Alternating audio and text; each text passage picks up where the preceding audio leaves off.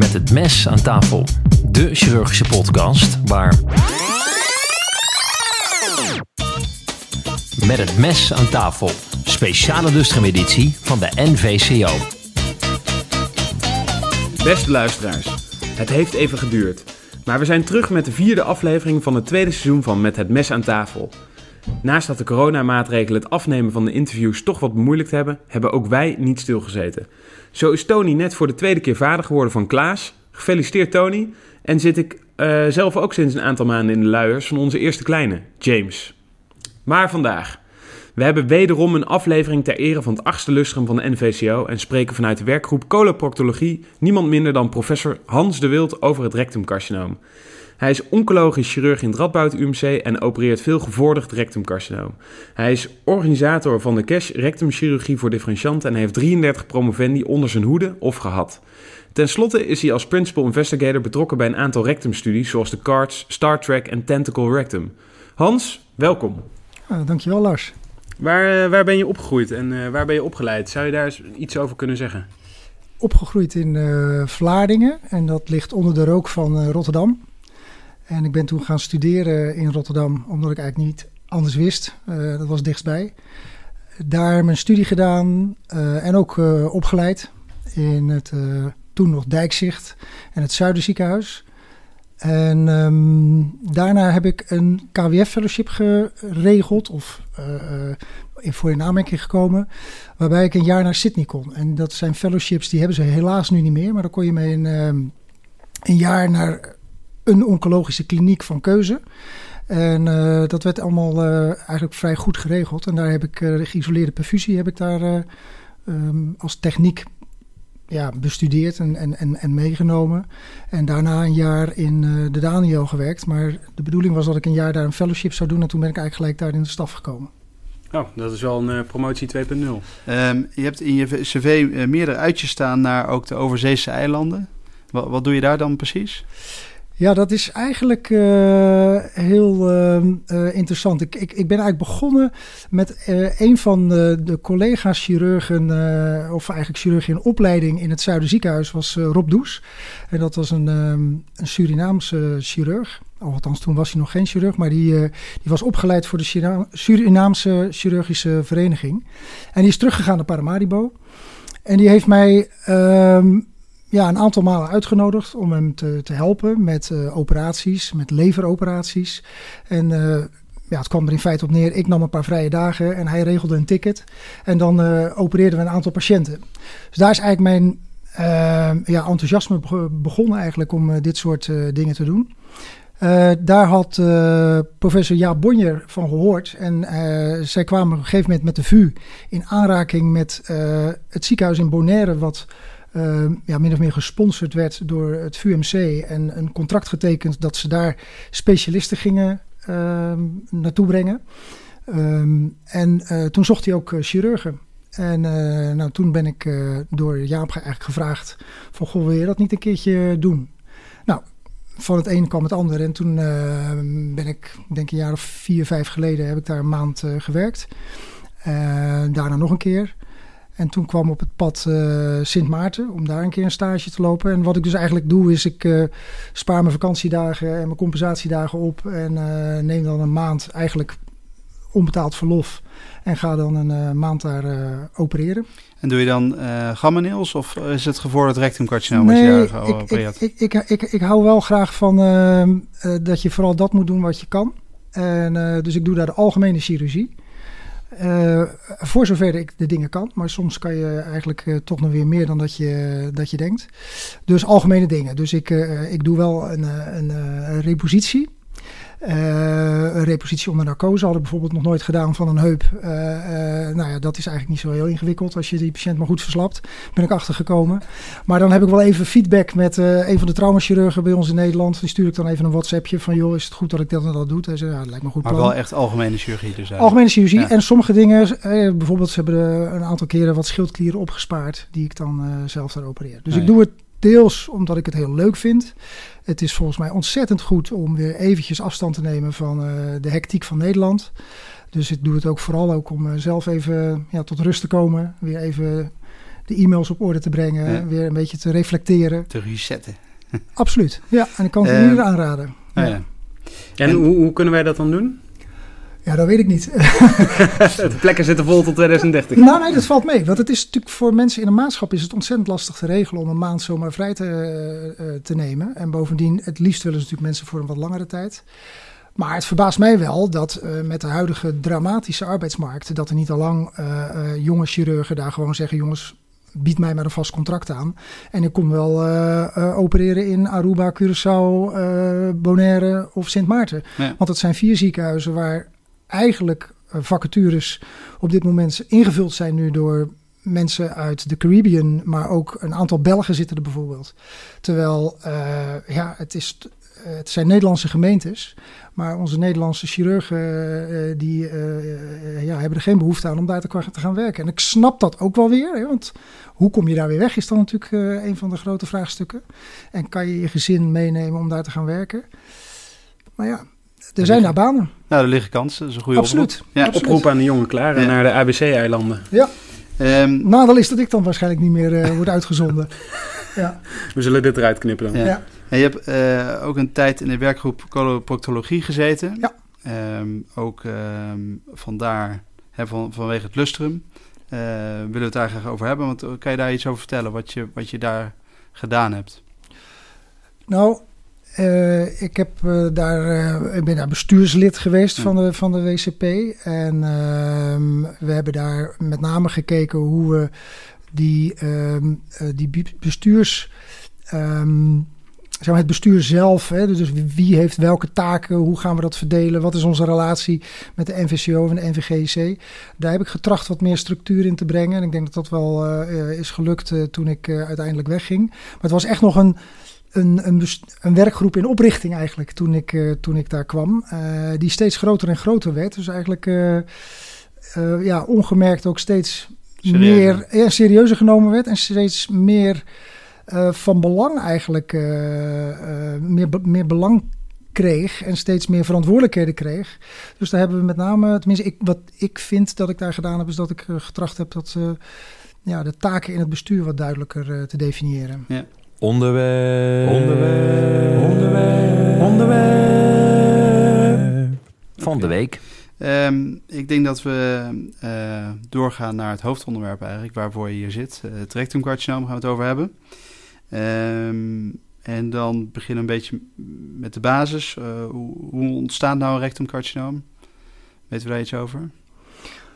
Nou, eigenlijk weten we toch wel grenzend aan zekerheid dat het uit een polyp ontstaat die uiteindelijk door een aantal mutaties ehm, een, een carcinoom wordt. Ja. En dat is ook eigenlijk gelijk al het succes eh, van eh, het bevolkingsonderzoek dat je darmkanker voorkomt. Hè, dus op het moment dat je patiënten eh, met grote, grote adenomateuze polypen een, eh, ja, zeg maar, schoon kan krijgen. Of in een goed eh, traject kan eh, stoppen waarbij ze regelmatig gescopieerd worden als er polypen gevonden worden. Ja, die mensen kan je natuurlijk voorkomen dat ze darmkanker krijgen. Ja. Dus dat is denk ik de belangrijkste taak van het hele bevolkingsonderzoek. Los van het feit dat je natuurlijk ook heel veel vroegcarcinomen vangt. En, en hoe, in hoeveel eh, procent van de gevallen groeit het nou dan uiteindelijk ook uit tot een carcinoom? Ja, dat weten we niet. Althans, dat weet ik in ieder geval niet. Ehm, wat we natuurlijk wel weten is dat er zijn natuurlijk heel veel polypen die uiteindelijk niet uitgroeien tot een eh, carcinoom. Dus de, de sessiele polypen, de kleine polypen. Op een gegeven moment worden ze eh, eh, groter en groter. En eh, zodra het dus echt adenomateuze polypen worden, gaan ze van laaggradige naar hooggradige dysplasie. En dat is waarschijnlijk op basis van allerlei mutaties die plaatsvinden. En, en het is dus die hooggradige, waarvan we wel weten dat die waarschijnlijk binnen enkele maanden, jaren uiteindelijk eh kwaadaardig gaan worden. Ehm, maar heel, eh, eh, zeg maar tot in detail weten we dat denk ik niet. En is het dan ook zo dat de incidentie in Nederland ook omhoog gaat door de, uh, nou, er is een, Ja, er is een enorme piek geweest vanaf 2014. En dat zie je ook in de, in de getallen, dat we dus even een enorme stijging hebben gehad toen we zijn begonnen met het bevolkingsonderzoek. En wat je nu eigenlijk ziet, en dat is dus niet door de corona, maar je ziet het al in die trend, zie je eigenlijk al, dat we nu geleidelijk aan wat minder uh, darmkanker alweer gaan krijgen. We zitten nog wel steeds boven het niveau van 2014, maar de grootste piek is eraf, omdat de meeste mensen zijn al één keer gescreend. En dan bedoel ik de mensen. Dan. Precies, de mensen tussen de 55 en de 75. Ja. Dus in met name die groep uh, mensen die dus nu uh, boven de 55 zijn, die zijn allemaal al een keer gescreend. Dus de kans dat die nog darmkanker gaan ontwikkelen, wordt waarschijnlijk heel klein. Die is in elk geval veel kleiner dan dat hij was. Ja, ja. ja. Dus moet je weer een dalende trend gaan zien over een aantal jaar. de bedoeling is dat we uiteindelijk natuurlijk ver onder de incidentie gaan komen die we hadden. Want uh, je moet weten dat het zeg maar onder de 55, dat is op dit moment minder dan 20% van het totale aantal correctaalcarcinomen. Dus het merendeel is daarboven. De gemiddelde leeftijd is 70. Dus met het screeningstraject uh, of programma tussen de 55 en de 75 gaan we dus hopelijk al die patiënten met adenomateuze polypen eruit vangen. Pak je 80% um, zijn dan ongeveer. Ja, dat zou je wel denken. Dus we hopen dat uiteindelijk, en dat is natuurlijk niet zo goed bericht voor de correctaal chirurg. Maar dat uiteindelijk de incidentie van het correctaal carcinoom uh, naar beneden gaat. En dus weer veel lager gaat worden dan waar we mee begonnen zijn. En het zit nu dus op de 14, 15.000. En uh, het merendeel daarvan wordt geopereerd. Maar de gedachte is wel dat dat, uh, dat, dat naar beneden gaat. En dat we ergens zo rond die 5000 misschien wel gaan komen. Ja, behalve dat je ook uh, polypen weghaalt die misschien nooit kanker zouden worden. Maar dat, daar komen we misschien dan later nog op. Um, en als we dan naar de, verder gaan naar de diagnostiek, wat is nou de definitie van het rectum? Want daar wordt ook veel over gesproken. Ja, dat is een hele lastige. Uh, uh, vroeger uh, hadden we allerlei definities. En er is recent, of recent, 2019, een publicatie van een grote consensuswerkgroep internationaal. waarbij we de definitie nu op basis van het MRI doen. En op de MRI zijn er dan een aantal kenmerken. En dat noemen we dan de sigmoid take-off. En vanaf het moment eigenlijk dus vanaf onder bekeken dat je ziet dat het, het sigmoïd wordt. En dat is op basis van een aantal kenmerken op de, op de MRI.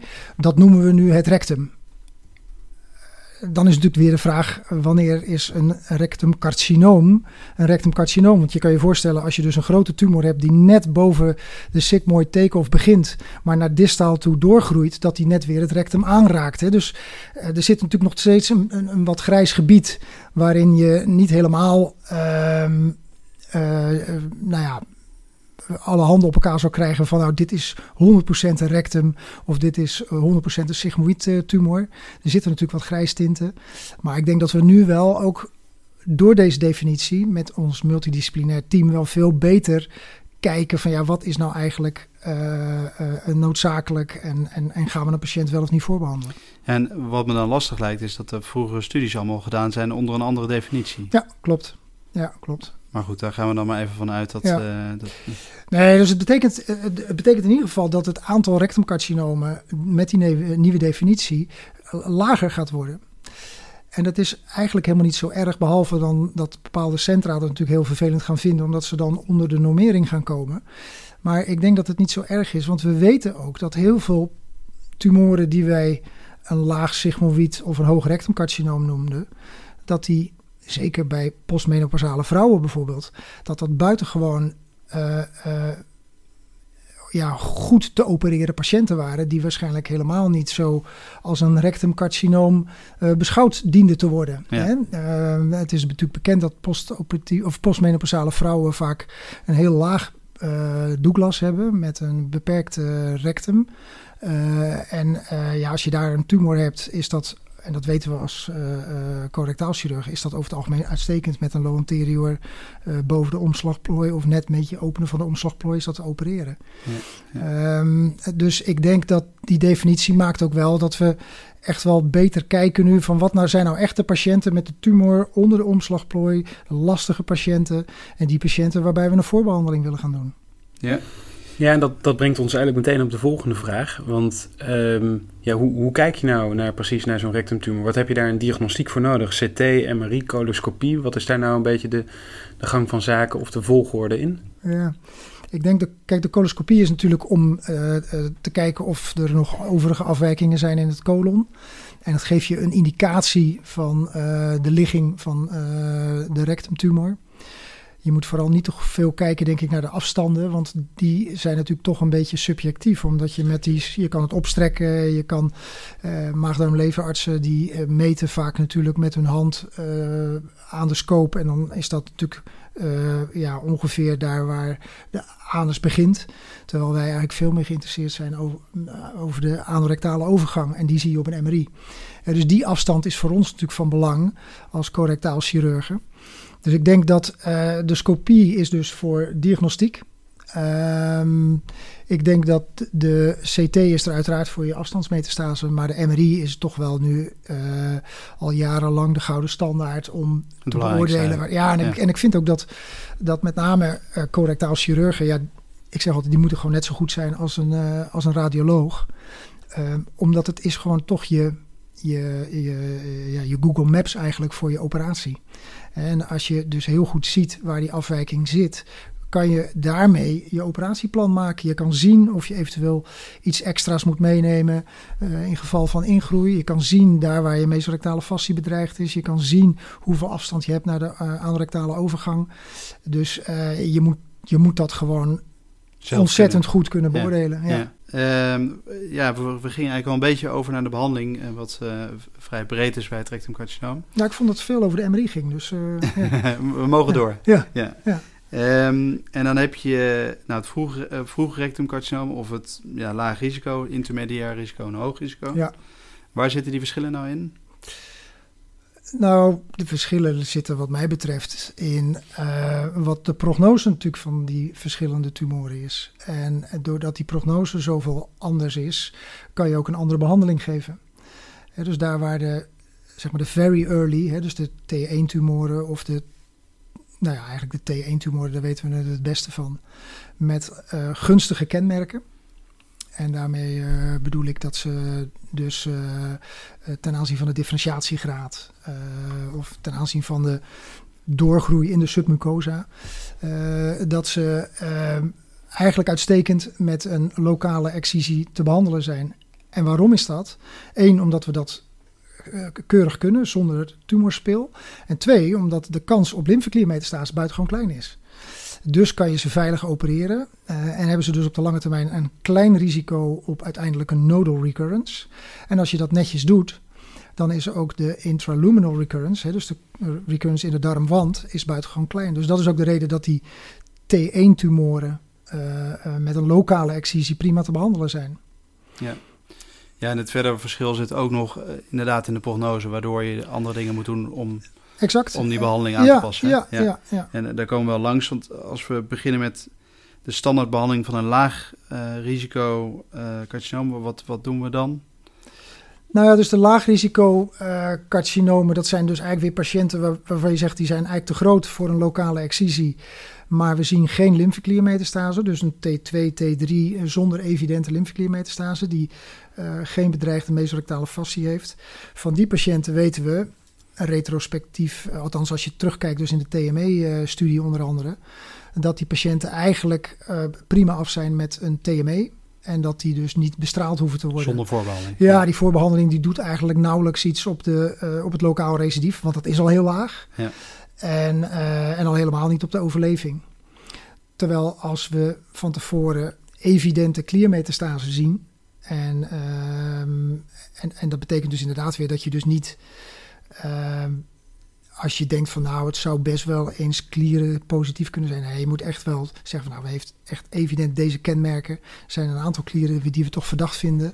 Dan uh, weten we dat patiënten die dus een N1-status hebben, dat die wel benefit hebben, dus voordeel hebben van, uh, van de 5x5 radiotherapie. Ja, precies. Dat is het intermediair risico. Ja. En, en dan nog even voor, de, voor het lage risico.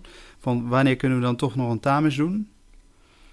Nou, dat is dus denk ik voor, de, voor die patiënten die dus een T1-tumor hebben met, uh, met gunstige kenmerken. Ja. Dus als ze geen SM3 zijn, als ze geen slechte differentiatiegraad hebben, uh, als ze radicaal geopereerd zijn, hè, dat is natuurlijk wel een belangrijke.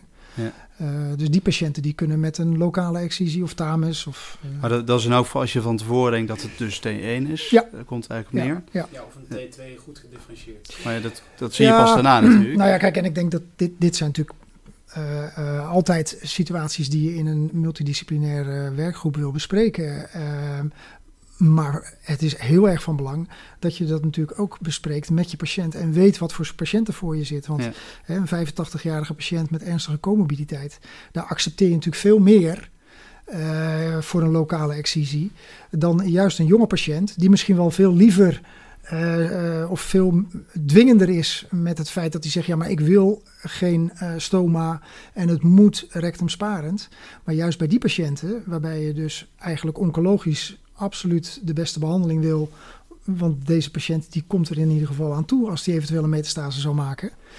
Um, ja, daar moet je denk ik dan toch ook wel heel zorgvuldig zijn en, en, en, en met de patiënt bespreken dat uh, in sommige gevallen een lokale excisie niet voldoende is. Ja.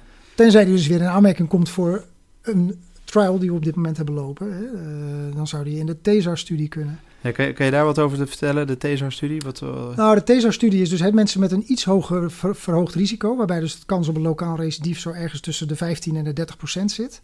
Die groep patiënten, daarvan zeggen wij eigenlijk altijd als chirurgen, we moeten u opereren, want er is toch een verhoogde kans op, uh, op. Ja, dus, dus, we doen een aanvullende resectie. Dus nog even dus hoog risico T1 en, en een zeer laag risico T2 juist, is dat, juist, hè? Juist. Ja. Nou, uh, daar kan je ook van alles van vinden, want ja, uh, hebt vaak genoeg patiënten die wel kunnen rekenen en die zeggen dan, god dokter, dat betekent dus dat er 80% kans dat het wel goed gaat. Ja. Dus waarom moet mijn endeldarm er dan uit? Nou, dat, dan hebben ze goed gerekend. Maar we hebben afgesproken met elkaar dat dit een te, te, hoog risico is dat we dat eigenlijk niet willen doen. Dus de standaardbehandeling in de richtlijn is dan een aanvullende resectie. En de TESAR-studie die gaat dus onderzoeken of aanvullende chemoradiatie, of dat dan die klieren eigenlijk neutraliseert of steriliseert. Dus dat hij die klieren behandelt, de eventuele klieren behandelt. Ja. En dat die patiënten dus een heel laag risico hebben op een recidief. Ja. En ik heb uh, een paar jaar geleden, toen we nog bij elkaar konden komen uh, op de chirurgendagen, uh, heb ik zo'n en uh, moest ik in de glazen bol kijken wat eruit gaat komen uit de TSR. En ik, ik verwacht eerlijk gezegd dat die, uh, dat die uitkomst van die trial laat zien dat chemoradiatie ook prima kan.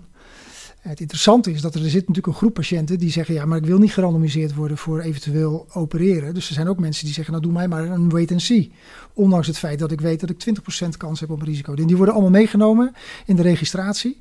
Dus het, ik hoop eigenlijk, en, en, en uh, de groep van Jurian Tuinman die gaat dat natuurlijk binnenkort uh, of over een aantal jaren hopelijk laten zien. Dat we straks drie armen eigenlijk hebben. Mensen die dus niks hebben gedaan, mensen die chemoradiatie hebben gehad en mensen die zijn geopereerd. En het zou best wel eens kunnen dat, dat eigenlijk alle drie die groepen een beetje dezelfde uitkomsten hebben. Behalve dan dat er in die mensen die niks doen, worden er een aantal uiteindelijk geopereerd. Um, maar ik denk dat die kwaliteit van leven van die mensen misschien best oké okay is. Want die zijn ja. tevreden met de keuze die ze ja. hebben gemaakt, hoop ik. Ja, en um, dit gaat dus over de, de hoogrisico T1, laagrisico T2. Ja. Uh, de standaardbehandeling tot en met uh, nou, T3 en 0 is, uh, is een TME. Ja. Um, maar de, daar heb je de starttrek voor um, opgezet en, en die is inmiddels vol. Kan je vertellen hoe, hoe, dat, hoe dat gedachteproces ging en, uh, en wat uh, Star Trek precies ja, is? Ja, nou Star Trek fase 2 studie is vol en we zijn nu met de fase 3 omdat we gewoon meer patiënten nog nodig hebben. Dus we zijn nu uh, met het tweede deel van de, van de Star Trek zijn we zijn we aan het doorgaan. En we zijn inmiddels in, uh, in Nijmegen, hè, dus in het Radboud UMC en in het AVL zijn we open. En de overige centra gaan hopelijk deze maand of anders volgende maand volgen. En dat zijn een 12, 13 tal centra in Nederland, mooi topografisch verspreid. En um, ja, wat we eigenlijk met die trial willen aantonen is of het inderdaad mogelijk is om bij patiënten die eigenlijk dus geen voorbehandeling nodig hebben en een uitstekende oncologische uh, resultaten met vijf jaar overleving van 85, 90 procent. Gewoon met de standaardbehandeling met, TME. Met TME. Ja. Uh, dat we die willen aanbieden. En ze mogen nu in een patient preference mogen ze kiezen of standaard opereren of orgaan sparen. En bij orgaan sparen worden ze dan gerandomiseerd tussen 5 keer 5 als voorbehandeling met lang wachten. Of chemoradiatie met lang wachten. Nog even terug naar StarTech, zoals je begonnen bent. Ja, Dat, toen werd er gerandomiseerd. Hè, ja precies. En dat bleek toch lastig. eh, met name in Nederland, omdat er toch al wat centra zijn die eh, wat liberaler zijn in het eh, geven van chemoradiatie als patiënten dat zelf willen.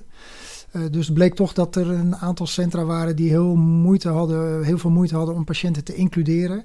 En patiënten zelf ook vinden het vaak toch vervelend als ze moeten randomiseren tussen zulke verschillende eh, mogelijkheden. Kan je wel iets bij voorstellen? Ja, als ik het ze nu uitleg, eh, Ja. dat ze gerandomiseerd worden tussen 5 keer 5 of chemoradiatie, dan vinden ze dat eigenlijk prima. Ja. Dus er is eigenlijk geen patiënt meer die de Star Trek weigert op het moment dat die open is. Want ze kunnen zelf kiezen. En er zijn ook mensen, toevallig ga ik er dus morgen een opereren, die zegt nee, ik wil dat niet. Ik wil die onzekerheid niet, daar kan ik niet mee leven. Niet op dit moment in mijn leven. Dat ik elke keer gecontroleerd moet worden. Dat ik 30% kans heb dat ik toch alsnog geopereerd moet worden. Dat ik steeds scopieën moet krijgen. En alleen maar om eventueel een stoma te voorkomen, opereer mij maar gelijk, dan ben ik er vanaf. Ja. En dan heb ik de oncologisch op dit moment in ieder geval de beste behandeling die er is. Eh, en dan zeg ik, ja, daar heb je gelijk in. Eh, maar we hebben niet zoveel van dat soort patiënten. Hè. Heel veel mensen, zodra ze het S-woord horen, zeg ik altijd, het stoma, dan lijkt het wel alsof ze s- ja, wattenstaafjes in hun oren stoppen. Want dan horen ze niet meer de potentiële risico's op lymfekliermetastase, dat ze terug moeten komen, dat de tumor terug kan komen. Dat is wel interessant, want Ja. ze kiezen dus allemaal voor niet de standaardbehandeling. Ja. En de standaardbehandeling is gewoon eh, de, de resectie. Nou, niet allemaal, maar heel veel. ja, ja. ja. Ehm, en ehm, krijgen we nou eerst nog resultaten van die Star Trek 1 te zien? Of, of die loopt Star het vloeiend over in een... In een Het loopt vloeiend over. En waar zit het Ja. verschil dan inderdaad in Nou, met de dus- 1, 2 en 3? Dus het, het, het verschil zit hem dus in dat we in het begin hebben dus patiënten gerandomiseerd. Dus we hebben eh, eh, letterlijk eh, in elke groep, hè, dus we hebben 40 patiënten die gerandomiseerd werden voor opereren. 40 voor 5 keer 5 en 40 voor chemoradiatie in Nederland, Engeland en Denemarken. Ehm, en nu hebben we dat losgelaten. Dus we willen dat aanvullen met registratie TME-patiënten. Dus die dus kiezen voor de standaard operatie. Plus de gerandomiseerde orgaansparende patiënten. ehm, En we denken dus dat we. En, en nou, daar maken we dus een kleine ehm, ja, sprong in het puur randomiseren. eh, wat we dan in het tweede gedeelte hebben losgelaten. Eh, en de vraag is natuurlijk of randomiseren, of dat nou wel zo die holy grail is. En of patiënten die dus kiezen voor die standaard COG, of dat patiënten zijn gewoon zoals jij en ik. En dat die helemaal vergelijkbaar zijn met de patiënten die niet gerandomiseerd willen worden. Dus, dus eh, ik, denk dat dat niet zoveel uit gaat maken. En dat we dus een, een, hele normale verdeling gaan krijgen van patiënten die voor standaard COG kiezen. Want, als we nog even eh, doorheen gaan voor, voor, de, voor, de duidelijkheid. Dus de, de, nou, de, de groep chirurgie die is duidelijk. En dan zijn, is een groepje die wordt gerandomiseerd. Chemoradiatie of eh, be- bestralen. Ja. En dan ga je herstuderen. Ja. Hoe, lang, hoe lang daarna ga je herstuderen? Nou, we hebben dat genomen vanaf het begin van de radiotherapie. Dus eh, dat is dan 11 tot 13 weken vanaf het begin. Ja. En als je snel kan rekenen, dan betekent dus na chemoradiatie is dat van 6 tot 8 weken. Dus een beetje wat we eh, vroeger ook hier eh, aanhielden.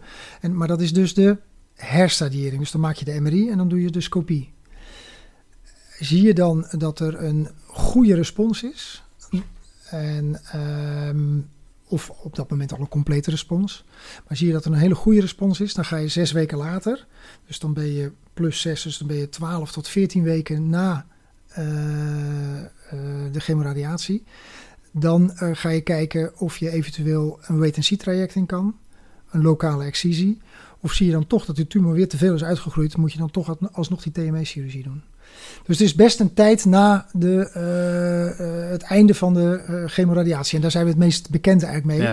En dan vlakt ook het effect af. Dan kan Nou, je dat weinig we wel. meer daarna Ja, ja, verwachten. Ja, we verwachten we dat dat eigenlijk niet het geval is. Nee, nee. Ja.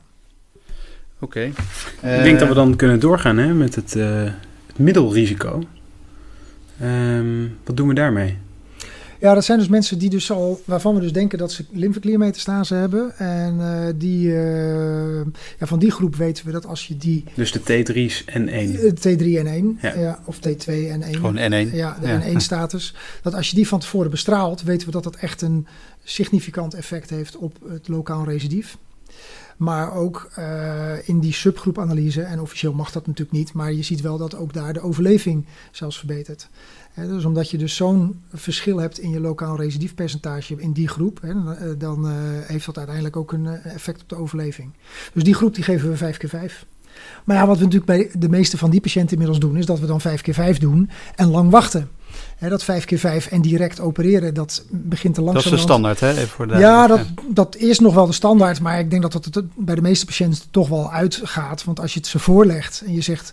vroeger deden we 5 keer 5 en gelijk opereren. Maar tegenwoordig kunnen we eigenlijk ook wachten. En dan heeft u 13% kans uh, dat de tumor helemaal verdwenen is. Ja, er zijn er weinig mensen die zeggen... ik wil dat u mij volgende week opereert. En hoe lang is dan wachten? Dan wachten wij meestal ook zo 6 tot 8 weken. En je hebt dus een 13% kans op een, een complete respons. Dat is uit de, de, de, de Zweedse studie gebleken. Ja. Dus ik uh, hou nooit zo van die hele strikte getallen. Dus ik zeg meestal tussen de 10 en de 15. Ja, ja. En dat komt ook, het komt overigens ook exact uit wat we hebben gezien. Maar dat is retrospectief in de data van de IKNL. En uh, daar heeft uh, Anouk uh, Rombouts heeft dat nagekeken en, en, en gepubliceerd. En daar zie je ook een exact zo'n percentage. Van, ik dacht dat dat 12 was. Maar ik zeg dus tussen de 10 en de 15 van de patiënten die geopereerd werden na lang wachten. En dan zag je dus dat een heel deel daar dus ook een, een complete respons hadden. Overigens, als je het niet weet binnen de zorg en je zegt 10 tot 15, dan zit je heel vaak goed. Dus 10 ja, tot 15 procent. Ja, meestal wel. Ja. ja. Um, dan gaan we door naar het hoogrisico. Want die geven allemaal chemoradiatie eerst? Ja, als je chemoradiatie verstaat, chemotherapie plus radiotherapie, ja. uh, dan is dat zo. En dat kan je tegenwoordig dan in twee verschillende schema's uh, geven. Um, we zijn gewend om chemoradiatie uh, te geven als uh, zeg maar synchrone behandeling. Hè? Ja. Dus dat ze de, oxalipla of de oxaliplatin, de capecitabine, capecitabine tabletjes, ja. dat ze die gebruiken tijdens de, de radiotherapie. Als vijf weken. sensitizer. Ja. ja. ja. En dat, is dus, dat moet je altijd realiseren, dat is een hele lage dosering. Hè? Ja. Dus een dosering die je normaal voor metastasebehandeling bijvoorbeeld, zou je die de dosering niet gebruiken. Dan zit dat echt wel wat hoger. Uh, maar dat, dat kan je dan weer niet combineren met die bestraling. Dan zou het effect van die bestraling veel te heftig worden. Dus um, de, die behandeling, uh, maar met de Rapido uh, trial, die is afgerond, weten we inmiddels dat we dat net zo goed kunnen doen met 5 keer 5 en dan systeemtherapie. En dan geef je inderdaad oxaliplatin en, en 5FU. Het zij intraveneus of oraal. En um, ja, die, die, uh, dat kan ook. En uh, je ziet zelfs meer complete responsen. Wat, wat is het voordeel van het uh, rapido-schema ten opzichte van alleen chemoradiatie dan? Nou, het voordeel is dat je um, dus meer kans hebt op een complete respons. Dat is één van de voordelen. het nadeel daarvan is dat je natuurlijk toch oxaliplatin krijgt met 5FU. Uh, en dat betekent dat oxaliplatin geeft toch best wel neuropathie. En het is altijd lastig om te zien hoe dat in die EORTC-lijstjes gescoord wordt. Want dan lijkt het altijd, altijd best wel mee te vallen. Maar als je patiënten controleert en je, je ziet ze terugkomen um, nadat ze adjuvante chemotherapie hebben gehad, dan is het toch heel vaak dat mensen klagen over een neuropathie. Is dat tijdelijk, die neuropathie? Nee, die is heel vaak blijvend. En um, en ik, ik, ik vraag me altijd af of dat zo heel duidelijk uit die studies komt. Dus ik ben zelf toch enigszins terughoudend met het zomaar adviseren van het Rapido-schema. Want je hebt een betere uh, kans op een complete respons. Er zitten wel degelijk nadelen, hoewel dat dus nog niet eens zo evident uit die uh, studie komt.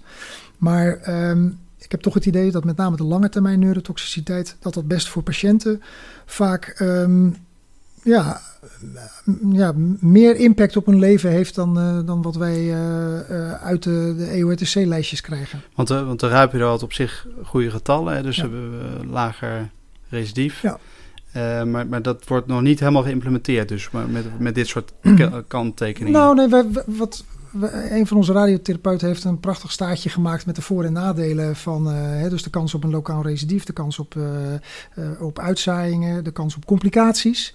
En dat leggen we dan patiënten voor. En dan mogen ze zelf kiezen. En nou, dan lastig zijn dus patiënten, Ja, dat is ook lastig. En kijk, het is natuurlijk ontzettend lastig voor patiënten om te kiezen. En uh, aan de ene kant willen we natuurlijk zoveel mogelijk uh, transparantie geven en zoveel mogelijk patiënten keuze geven. Maar ja, ik zeg altijd, bedenk zelf maar eens hoe lastig je het vindt om om een uh, lineaire of een uh, annuïteitshypotheek af te sluiten. Ja, ik heb nooit in, ik zit altijd dan, te luisteren naar zo iemand en dan legt hij het uit en dan loop ik naar buiten en dan kan ik het niemand uitleggen wat hij nou precies gezegd en heeft. Doe je gewoon en dan zeg ik altijd, wat zou jij doen? ja. Dus en, en ja, voor de meeste patiënten is dat en daar wil ik natuurlijk niet uh, uh, paternalistisch of arrogant overkomen. Maar dat is natuurlijk wel zo dat ze, als je geen uh, 6 VWO biologie hebt gehad, is het natuurlijk toch tamelijk lastig om de anatomie van het lichaam überhaupt iets van te begrijpen. Ja. En uh, dat laat onverlet dat je patiënten natuurlijk moet, zoveel mogelijk moet meenemen. Uh, dat je natuurlijk zoveel mogelijk samen moet kijken van wat is nou voor deze patiënt een, een goed besluit. En wat, wat voor getallen geef je ze voor een complete respons naar chemoradiatie? Nou, bij chemoradiatie is het zo rond de 15 procent. 10 tot 15. Uh, ja, ik wilde eigenlijk 16 zeggen, want dat komt uit de studie, de, de grote studie van, uh, van uh, Maas. Die heeft zo'n review gedaan en daar kwam het precies op 16 uit. Maar laten we inderdaad maar tussen de 15 en de 20 maar ja. weer zeggen. Um, en bij de, laten we dan de Rapido zeggen tussen de 20 en de 25. Ja. Dat is de getallen die ze mee, ja, meegeeft, ja. Um, en um, als je complete respons hebt, dan kan je watchful waiting gaan doen. Ja. Of wait and see. Hoe, hoe gaat dat in zijn werk? Wat, wat, ja, hoe vaak controleren? Wat moet je controleren? Nou ja, wat we inmiddels zien is dat we, dat we eigenlijk veel meer uh, uh, ontspannen naar rectumcarcinoom patiënten die voorbehandeld zijn kunnen kijken. En ik denk dat we in het verleden waren we heel... Um, zaten we heel erg op vier tot zes weken, heb ik zelfs nog wel meegemaakt. Of zes tot acht weken en veel langer wachten. Dat moest je echt niet doen. Want stel dat die patiënten progressief zouden worden. Ja, we weten inmiddels wel dat, dat, dat je rustig even kan afwachten. En dat je rustig kan kijken of een patiënt niet uh, nog aan het. Of dat een tumor niet nog aan het afsterven is. Uh, en dat dat dus nog langer duurt. En, uh, dus, nou ja, Gerard Beets is degene eigenlijk die er in Nederland natuurlijk mee is begonnen. En heeft natuurlijk met een aantal centra die steeds meer van dit soort uh, patiënten ook hebben gecontroleerd. Zien we eigenlijk dat, dat wachten, uh, zolang je nog een respons hebt, helemaal niet zo erg is. Het maakt het voor de chirurg vaak wat makkelijker om uiteindelijk een operatie uit te voeren. En je zal dus toch steeds meer patiënten vinden die uiteindelijk uh, voor een watch and wait in aanmerking komen. Of soms toch inderdaad een lokale excisie na chemoradiatie. En, en hoe vaak moet ze dan gecontroleerd worden nu in, in jouw ogen? Nou, Daarna, ik, dus ik, als ik je zegt ze, van dit is complete ja, respons, ja, we gaan jou controleren. Nou, in het begin was natuurlijk, en dat snap ik wel, was natuurlijk dat schema uh, in de oorspronkelijke watch and wait protocol was natuurlijk heel streng met om de drie maanden MRI-scopie. Nou, inmiddels weten we wel dat het vooral de scopie is, zeker uh, voor de intraluminale recidieven. En dat zijn de meeste. Dus het komt bijna niet voor dat mensen een nodal recurrence hebben zonder een intraluminal recurrence. Maar ze komen voor. Dus je moet zeker MRI's maken, maar ik denk zeker niet in de frequentie dat we dat uh, in, het, uh, in het verleden hebben gedaan. Maar, maar je zegt net dat het, of misschien begreep ik het verkeerd hoor, dat het nauwkeuriger is om te, te, uh, te controleren met een scopie dan een MRI. Ja. maar dat betekent dus dat, dat die mensen dan elke drie maanden een scopie moeten ondergaan. Ja, in het begin zeker. En, um, en ik denk zeker, zeg maar, als je, als je tot het besluit overgaat, tot een uh, watch and wait, dan heb je ze wel echt allebei nodig. Hè? Dus dan heb je echt die MRI nodig met een, een, een, een DWI. Hè? Dus dat je echt de diffusion weighted images doet om te kijken of er nog aankleuring is en, en uh, van, die, van eventueel de lymfeklieren of, of de tumor. En dat je in die gevallen dan ook op basis van die MRI moet besluiten van nou dit is toch te suspect. We moeten hier toch een operatie doen.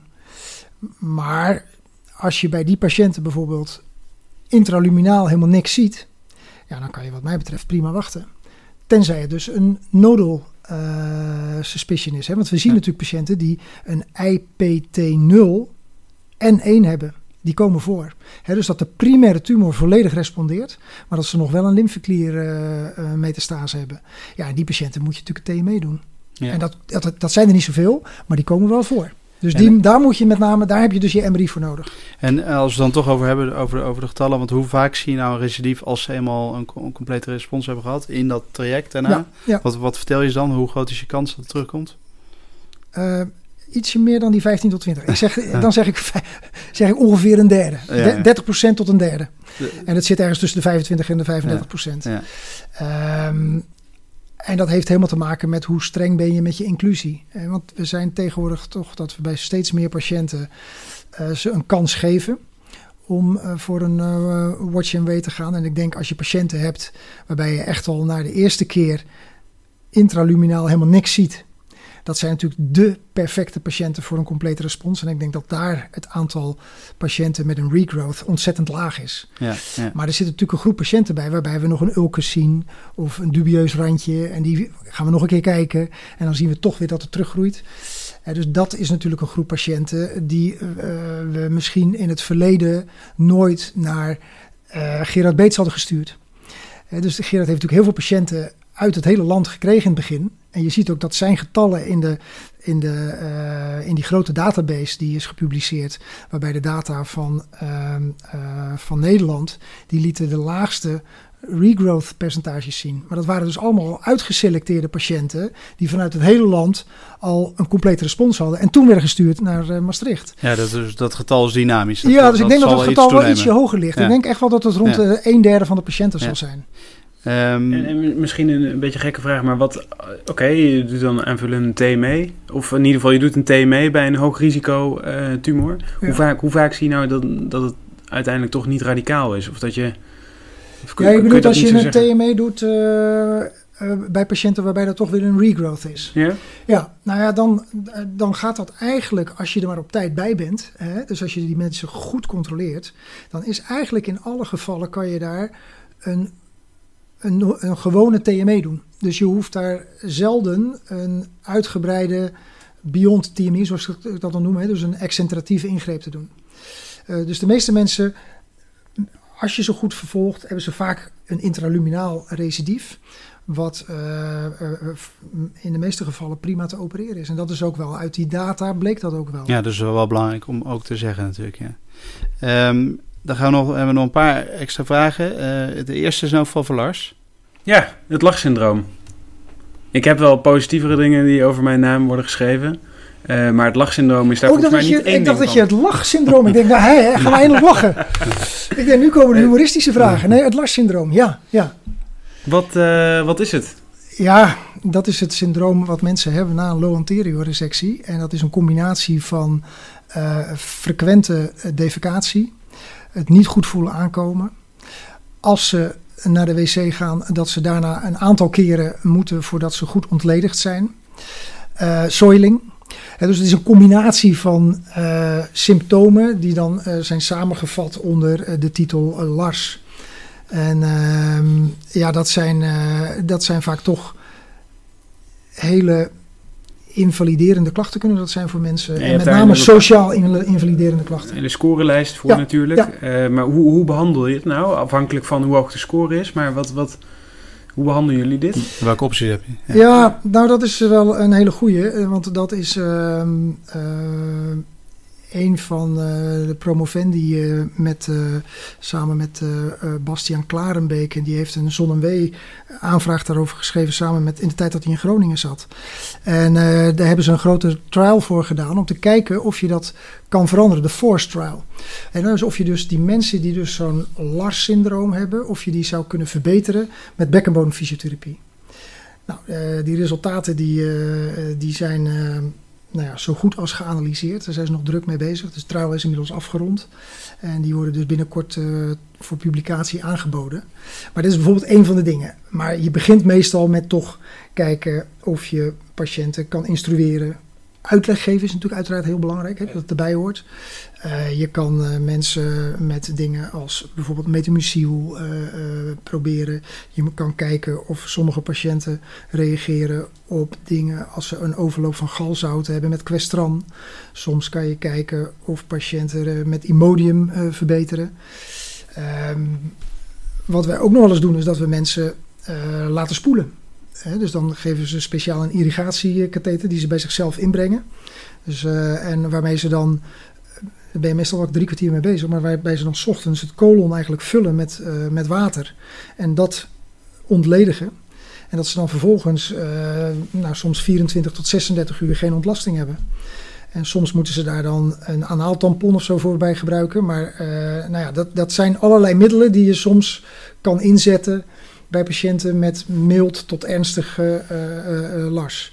En die Force Trial die heeft dus nu onderzocht om te kijken of dus bekkenbodemfysiotherapie daar ook een rol in kan spelen. Ehm, dan, dan nog kort, ehm, wat is nou volgens jou de rol van de robot binnen de rectumchirurgie? Want die doet toch hard zijn Dat is intrede wel een overal? mooie, mooie uitsmijter. Ja. Ja. En je hebt het nog niet eens over de taten mee gehad. Eh, eh, de rol van de robot. Ja, ik denk dat uiteindelijk dat we de rectums op de robot gaan doen. En dat zeg ik niet omdat ik binnenkort op cursus ga. Eh, maar dat zeg ik wel omdat ik als eh, rectumchirurg zie dat op de robot eigenlijk volledig de operatie wordt uitgevoerd zoals je die open ook kan doen. Namelijk netjes met de diatomie en vanuit alle hoeken heel goed eh, het preparaat kan bekijken. En bij de lapscopie ben je daar toch vaak een beetje, eh, met name de rechtslaterale bekkenwand, zit je soms toch een beetje te hannissen, om het maar eens even eh, een beetje populair uit te drukken. Het is vaak toch lastig om je stapler te plaatsen. En ik merk bij de patiënten die ik zelf live heb zien opereren, maar ook de filmpjes die je ziet. En dan bedoel ik niet de patiënten, eh zeg maar zeggen, de vrouwen van 40 kilo die, die zijn geopereerd met een rectumtumor.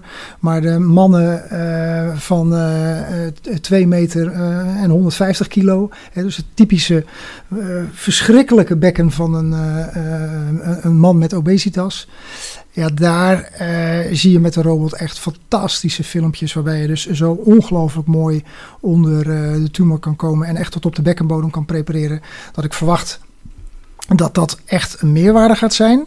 Of het qua functionaliteit of qua lange termijn resultaten verwacht ik niet. Want die resultaten eh, zijn wel heel lastig te verbeteren. Maar het gaat ook enorm veel resultaten, denk ik, eh, voor de chirurg. Want ik merk toch ook wel dat als je zo'n... eh, Ergonomie. zowel, nou ja, laparoscopisch sta je er toch onhandig voor. Eh, en open ook. En in die robot, ja, eh, dat, dat, dat krukje, dat zit heerlijk. Elleboogondersteuning. Ja. Ehm, en eh, ehm, eh, misschien lastige vraag, maar wat, wat vind je zelf nog moeilijke keuzes bij je patiënt? Je, laat, je legt een gedeelte bij de patiënt, maar wat zijn er gevallen waarbij je zelf ook erg twijfelt? Nou, wat ik altijd een hele lastige vind, is ehm, eh, patiënten met een tumor op, eh, nou ja, alles onder de 5 centimeter. Waarbij je technisch nog een coloanale anastomose zou kunnen maken. Ehm, maar ook uitstekend natuurlijk een intersphincterische rectumamputatie kan doen of een hartman, hè, dus de boven de bekkenbodem afstepelen. En ik vind het zelf heel lastig te bedenken wat ik in die gevallen zou doen. Ehm, sterker Dat- nog, ik denk, maar je weet het nooit, hè, een kat in het nauw maakt rare sprongen.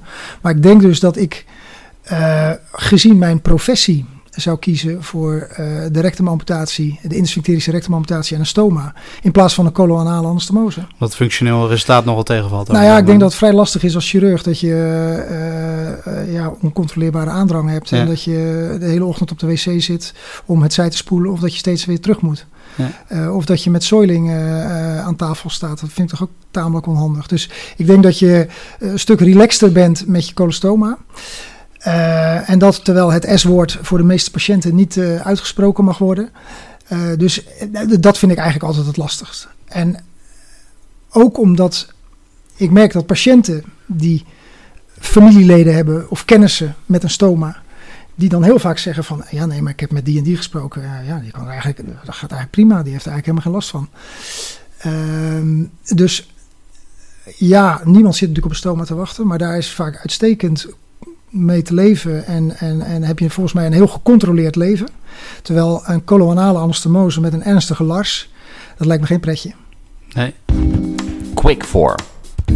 Kijk, dat is wat anders dan de Big Five. Daar gaan we het daarna over hebben. Ehm, wat is je grootste passie buiten het ziekenhuis? Moet ik er één noemen of meerdere? Wat je wil. Oké, eh, eh, gezin, eh, reizen, sporten, eh, lezen, muziek. Ehm, en wat zou je doen als je geen chirurg was geworden? Dat vind ik echt een lastige. En eh, ik hoor wel eens assistenten die zeggen van nou, er zijn er toch maar eh, weinig chirurgen die nog echt tevreden zijn. Maar ik, ik, ben, ik ben zo ongelooflijk blij met mijn vak. En ik ga zo met onwaarschijnlijk veel plezier na- naar mijn werk. Eh, zeker ook als academisch chirurg met zoveel verschillende dingen. Ik doe een heel klein beetje onderwijs maar, maar eh, onderwijs eh, eh, wel heel actief in opleiden en onderwijzen van assistenten. Onderzoek. Ehm, ik voel mezelf eh, eh, nog een beetje een ouderwetse oncologisch opgeleid chirurg. Dus ik doe heel veel verschillende dingen. Naast mijn passie correctaal eh, doe ik ook nog schildklieren, sarcomen, eh, af en toe eh, voor, voor melanomen. Dus ik voel mezelf echt begenadigd dat ik nog zoveel dingen mag doen. En wat ik zelf dan vind kan doen. Ehm, eh, eh, dus ik zou het eerlijk gezegd niet weten.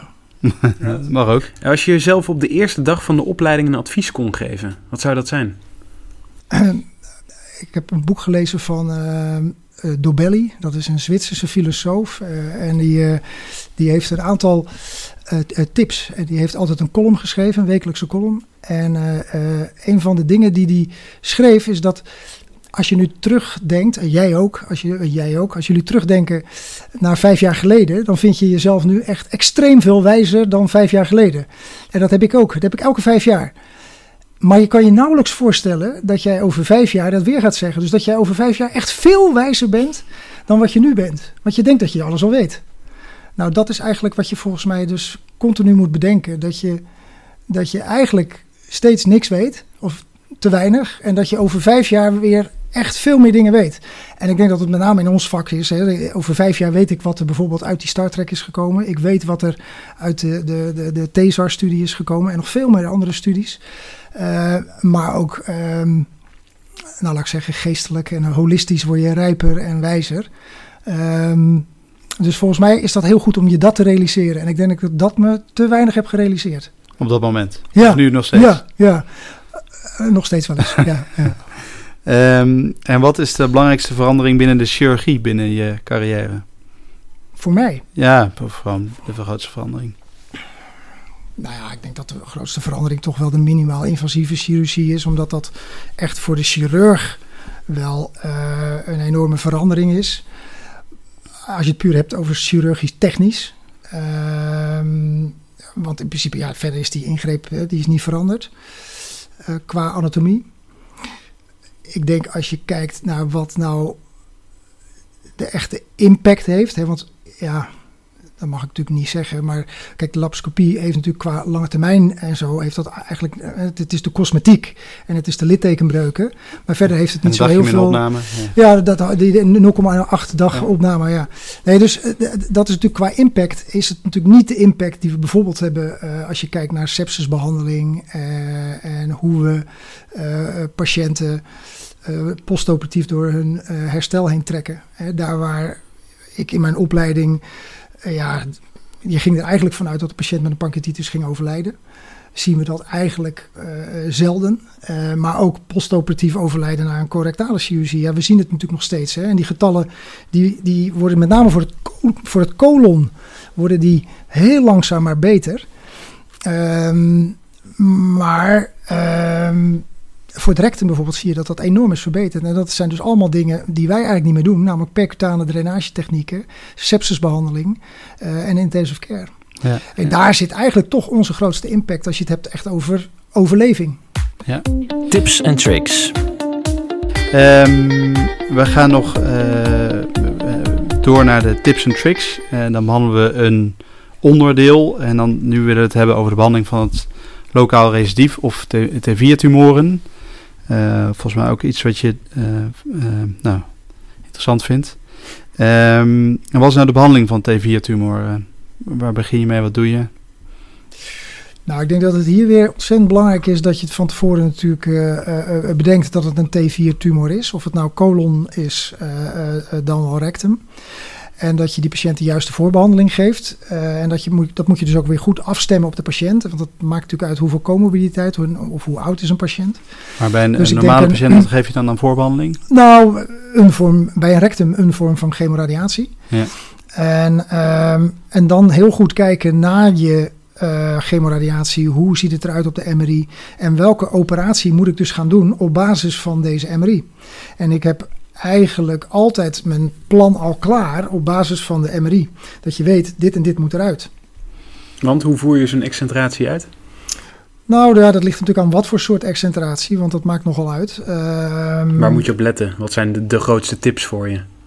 Uh, of voor ons? Ehm, nou, wat, wat natuurlijk voor chirurg ontzettend lastig is, en dat gaan we ook, vrees ik, niet echt makkelijk oplossen. Het verschil tussen fibrose, hè, dus uh, wat heeft gerespondeerd en is inmiddels fibrose, en wat is nog steeds tumorrest. En aangezien je dat verschil niet of nauwelijks kan maken, ook niet op die MRI en zeker niet uh, uh, palpatoire, ehm, denk ik dus dat je en dat is mijn stelling altijd, alles wat je verdacht vindt, moet, er, moet je eruit halen. Daar zijn geen fluorescenties voor of intraoperatief? Nog niet. Daar zijn we wel ook mee bezig hoor, om dat te proberen te onderzoeken. Maar ik verwacht eerlijk gezegd dat dat niet zo nauwkeurig gaat zijn dat je op basis van uh, het blote oog uh, de patholoog gaat verbeteren. Met andere woorden, dat je op basis van uh, fluorescentie of wat dan ook zo stellig kan zeggen: ik ga je dwars doorheen snijden door deze vaste massa. Want het is op basis van de fluorescentie geen tumor. En dat je dan toch met een R1-resectie of een R2-resectie eindigt. Uh, dus, maar goed, dat is wel iets waar we nog heel druk mee bezig zijn om te kijken of dat, of dat mogelijk is. Maar je maakt dus een plan van tevoren van uh, dit en dit ga ik meenemen. En dan kijk je per operatief of dat plan klopt, denk ik. Zijn er nog bepaalde tips waar je, of, of, dingen die je bedenkt van daar let ik extra op? Nou, wat, waar ik extra op let. Mijn, mijn, mijn grote tip eigenlijk is denk ik dat. Uh, doe het nou niet als je er geen ervaring mee hebt. Dus als je patiënten ziet met een locally advanced tumor waarvan je denkt, ah, dan moet ik even een stukje blaas meenemen of ah, dan moet ik even een stukje de uterus meenemen. Als je dat nou niet vaak doet of zelden of nooit doet, stuur het dan naar een centrum waar ze dat vaker doen. Dat, uh, dat komt namelijk niet zo vaak voor. Dus die 1, 2 patiënten per jaar kan je beter naar een centrum sturen die, waar ze het vaker doen. Um, ja, en dan is het toch uh, heel goed beoordelen of het kan. En of je nou ja, bijvoorbeeld een, toch nog een uh, blaassparende behandeling kan doen. Waarbij je, uh, als je net rond of om de ureteren heen kan, dat je dan nog uh, de patiënt een normale blaasfunctie kan houden. Hè? Dus je probeert wel toch tijdens je operatie nog het plan aan te passen als dat, als dat, als dat lukt. Mm want dat is bijvoorbeeld echt een voor, voorbeeld waarbij je tijdens de operatie kijkt: oké, hoe ver groeit het nou in uh, ter hoogte van de ostia van de ureteren bijvoorbeeld? Of je wel of niet nog een blaassparende behandeling kan doen.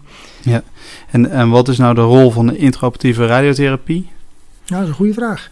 Um, wanneer overweeg je dat? Ja, nou, we hebben nu uh, we gaan starten met uh, de Pelvix 2-studie in Nederland, waarbij we dus patiënten met een lokaal recidief uh, van tevoren chemotherapie gaan geven voor de chemoradiatie. En afhankelijk van de respons dan die chemoradiatie geven. En we hebben eigenlijk afgesproken dat we ze dan gaan opereren in centra waar ze IORT geven. Dus er zijn eigenlijk maar nog, ik geloof, zes centra waar ze nu IORT kunnen geven. En we hebben dus nu afgesproken dat, we dat die operatie in principe daar gaat plaatsvinden.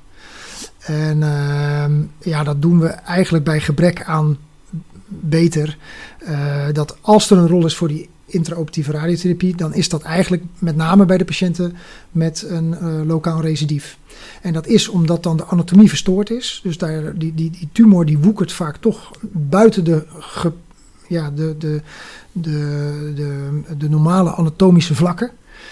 En bij een locally advanced rectumcarcinoom heb je dat wel eens, maar toch minder vaak. Dat je dat er dan toch niet met je eerste operatieve behandeling er radicaal uit kan krijgen. En dan heb je die IORT eigenlijk, nou ja, hoegenaamd uh, nooit nodig. Maar bij lokaal recidive wel, omdat het gewoon, ja, de, de anatomie is dusdanig verstoord dat je dan uh, vaak tegen een R1-resectie aanzit of hele krappe marges. En dan is er wel bewezen retrospectieve data, maar beter hebben we niet. Maar is er wel in heel veel studies bewezen dat die IORT mogelijk wel een rol uh, van betekenis heeft. Duivelse dilemma's. Um, Oké. Eh, dan gaan we als laatste onderdeel door, denk ik, naar de duivelse dilemma's. We hebben best al een paar gehad. Ja, ja. En die hebben, dit is het laatste onderdeel. Nou, ene Oké. laatste onderdeel. Ja. Eh, en dan we je wat dilemma's voor en dan mag je dan een van kiezen. Ehm laparoscopie, is dat een vloek of een zegen? Nee, ik denk wel een zegen. Eh, want van, van wie zou je nou ehm, toch bijles willen hebben in het off-piste skiën? Van je dochter, die overigens ook skilerares is? Of van AJOS die denken dat ze het beter kunnen? Nou, die laatste groep heb ik eigenlijk nog nooit iemand gezien die beter skiet en waar ik iets aan heb. Eh, en zeker jij niet, Lars. Eh, Dit was het einde van eh, Ja. het mes aan tafel. Ja, Dank jullie ja. allemaal. nee, nee, nee, Gentje. Eh, je komt best aardig mee. Ehm, nee, ik denk dat ik dan eh, nog een niveautje hoger nodig heb eigenlijk. Eh, en dan eh, refereer ik inderdaad aan die Oostenrijkse skileraar waar wij achteraan gingen. samen met mijn dochter inderdaad en de tank Philip de Reuver. Ehm, ja, daar kan je denk ik wel wat van leren. Ehm, gaan we door. Je moet je Nederlandse paspoort inleveren en krijgt het paspoort naar keuze van een ander land terug. Welke is dat dan? Eh, ja, ik denk gelijk aan een Scandinavisch land, omdat ze daar eh, een beetje de, de kwaliteit van leven hebben zoals wij dat hebben. Eh, mogelijk dat ze daar zelfs nog een betere kwaliteit van leven hebben. Ze hebben hele goede arbeidsvoorwaarden. Het is een heel seculiere landen zijn het. En daar Nee, ben ik, ik, ik, begreep eigenlijk meer dat je jezelf zag als een soort blanke Surinamer, maar dat... eh, Ah, oké, ik, ik pak hem iets serieus op. Nee, dus, eh, eh, ik, ehm, dus ik wilde zeggen Zweden. Ehm, maar, nou ja, ja, ik voel me inderdaad soms wel eens een beetje een, eh, een eh, blanke Surinamer, omdat ik heb een aantal Surinaamse collega's. En zoals je weet ben ik met een Surinaamse vrouw getrouwd, die overigens, zoals we dat thuis noemen, een bounty is. Hè? Dus die is bruin van buiten, wit van binnen. Want die is eigenlijk, die weet niet beter dan dat ze in Nederland is opgegroeid. En die voelt zichzelf eh 200% Nederlander. En ik ben vaker in Suriname geweest dan zij. Ehm, dus ja, ik, eh, maar ik zou het Surinaamse paspoort niet willen hebben. Nee, Nee. Zweeds wordt het. Nee, Ja. nee, dat soort enge regeringen, daar ben ik niet zo van. Je voelt je dus eigenlijk een witte Twix. Die wordt heel ingewikkeld. Eh, Lars, ga maar door. Eh, dat is wel een lastige. Het Mooi, het volgende duivelse dilemma, Hans. Wonen in Kraningen, eh, sorry, wonen in eh, Kralingen of in Heilig Landstichting, wat voor ons ook een beetje klinkt als een soort van zorgboerderij. ik moet zeggen, ik voel me echt begenadigd als ik eh, in, eh in Heilig Landstichting eh eh, links afsla op de fiets of lopend in mijn hardlooptenuutje en de, over de hei, door de bossen, het heuvellandschap. Dus ik denk dat ik nu echt wel in de mooiste omgeving woon. Maar ehm, het zou zomaar kunnen dat we in de toekomst een pied-à-terre ergens eh, in, eh, in eh, Rotterdam, om daar de cultuur en de multiculturaliteit, hoe zeg je dat? Eh multiculti, Multiculti. multiculti zeggen wij in Rotterdam dan. Ja. Ehm, eh, die zou ik denk, denk ik daar toch wel willen opsnuiven. Ja. Ehm, ja, dan als laatste, heb je nog een uitsmijter? Wat, wat moeten we onthouden van, van dit verhaal, van deze podcast? Oeh. Eh, nou, ik denk toch dan mijn eh, filosofische eh, opmerking dat we over vijf jaar weer wijzer zijn. En dat je we dus heel erg met spanning eigenlijk en met enthousiasme moeten uitkijken naar eh, hoe kijken we over vijf jaar naar het rectumcarcinoom. En dat je dus vooral, dat moet je überhaupt altijd in het leven, los zijn van welk dogma dan ook. En dat je steeds je, met een open mind naar bepaalde dingen moet kijken en naar resultaten moet kijken. En daar je als chirurg behandelingen en je, en, en je manier van met patiënten omgaan moet op eh, aanpassen. En weet dus dat over vijf jaar ben je weer wijzer en ben je weer beter. Lijkt me een hele mooie, wijze eh, afsluiter. Dank Hans. Mogen we heel erg bedanken eh, voor, een, eh, voor een mooi verhaal. Ja, ik vond het heel leuk om te doen, dank je. En voel me zeer vereerd. Dit was Met het Mes aan tafel. Deze podcast wordt mede mogelijk gemaakt door Johnson Johnson. Dank voor het luisteren en tot de volgende uitzending.